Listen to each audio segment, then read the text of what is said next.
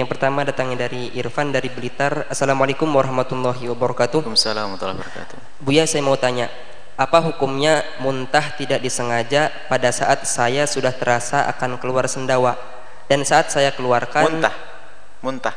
muntah tidak disengaja pada saat saya sudah terasa akan keluar sendawa dan saat saya keluarkan ada makanan yang ikut keluar tetapi tidak, tidak sampai mulut cuma perbatasan tenggorokan dan mulut lalu saya telan lagi apakah puasa saya batal Pertama, saya tidak paham itu. Muntah dengan sengaja, tapi tidak jadi muntah. muntah tidak disengaja Baik muntah tidak disengaja, tapi tidak keluar tadi. Mana ada muntah? Baik, baik, baik sudah. Saya atur aja pertanyaannya. Kalau muntah dengan tidak sengaja nggak batal puasanya. Oh, dia tidak keluar bagaimana muntah? Muntah dengan tidak sengaja tidak membatalkan puasa. Contoh mabuk di kendaraan, hamil, tua, tiba-tiba muntah, mabuk. Tidak membatalkan puasa dengan catatan jangan menelan ludah. Jangan menelan ludah sebelum berkumur. Kenapa? Karena muntahan itu najis. Selagi tidak kita kumurin dengan air yang suci dan mensucikan kita kumuri dengan air yang bisa dipakai untuk wudhu, maka mulut ini selamanya akan najis. Biarpun kita sudah meludah seribu kali ludahan. Dan kalau mulut itu najis bercampur dengan ludah, ludah kita telan batallah puasa kita. Akan tapi kalau muntah dengan tidak sengaja bergegas setelah kita mengambil air untuk berkumur, kita buang setelah itu maka menelan ludah setelah itu tidak membatalkan puasa. Baik muntahnya tidak membatalkan asalkan muntah dengan tidak sengaja.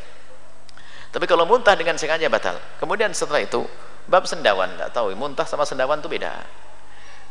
Itu kan di kamus beda kan muntah. Sendawan adalah glegeen bahasa Jawa ini. Ya, teruslah sendawan. Ini biasanya orang sehat betul tuh nah, orang sehat sendawan. Sendawan atau yang lainnya sendawan kelekean bahkan kalau seandainya terasa di dalam diri kita ada yang mau keluar atau dahak. Maka hukum dahak kita samakan. Hukum sendawan sesuatu yang ada. Sesuatu yang diduga dari dalam kalau keluarnya tidak kita sengaja kerasa saja tiba-tiba kayak mau keluar.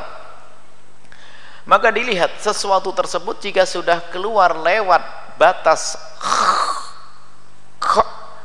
huruf kha atau huruf kha kha-nya orang yang ngerti Arab. Kha ha kha ha bukan itu. Kha nah kalau sudah keluar dari kha kemudian kita telan batallah puasa kita. Sebab kalau sudah keluar dari batas makhraj kha itu dibuang sudah gampang.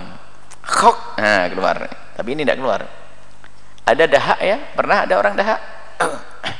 Dahak selagi belum keluar dari batas kha maksudnya kalau kita gini kan oh masih di dalam telan saja nggak ada masalah. Tapi kok ah, keluar dibuang harus. Jadi itu batasan para ulama di dalam madhab kita Imam Syafi'i radhiyallahu taala anhu agar tidak ragu-ragu lagi di dalam madhab Imam Malik lebih mudah dalam hal ini. Selagi masih di wilayah tenggorokan ketelan lagi tidak apa-apa. Nggak usah pakai batas khok-khokan ya. Cuman sebenarnya tidak susah. Jadi kalau ada dahak oh belum keluar. Jadi ludahnya juga aman. Tapi hmm, ada gerenjel lah. Kayak agar-agar keluar hmm? lah itu baru harus dibu dibuang. Karena ada sesuatu ada kerasa. Insya Allah anda bisa membedakan antara ludah dengan da daha baik seperti itu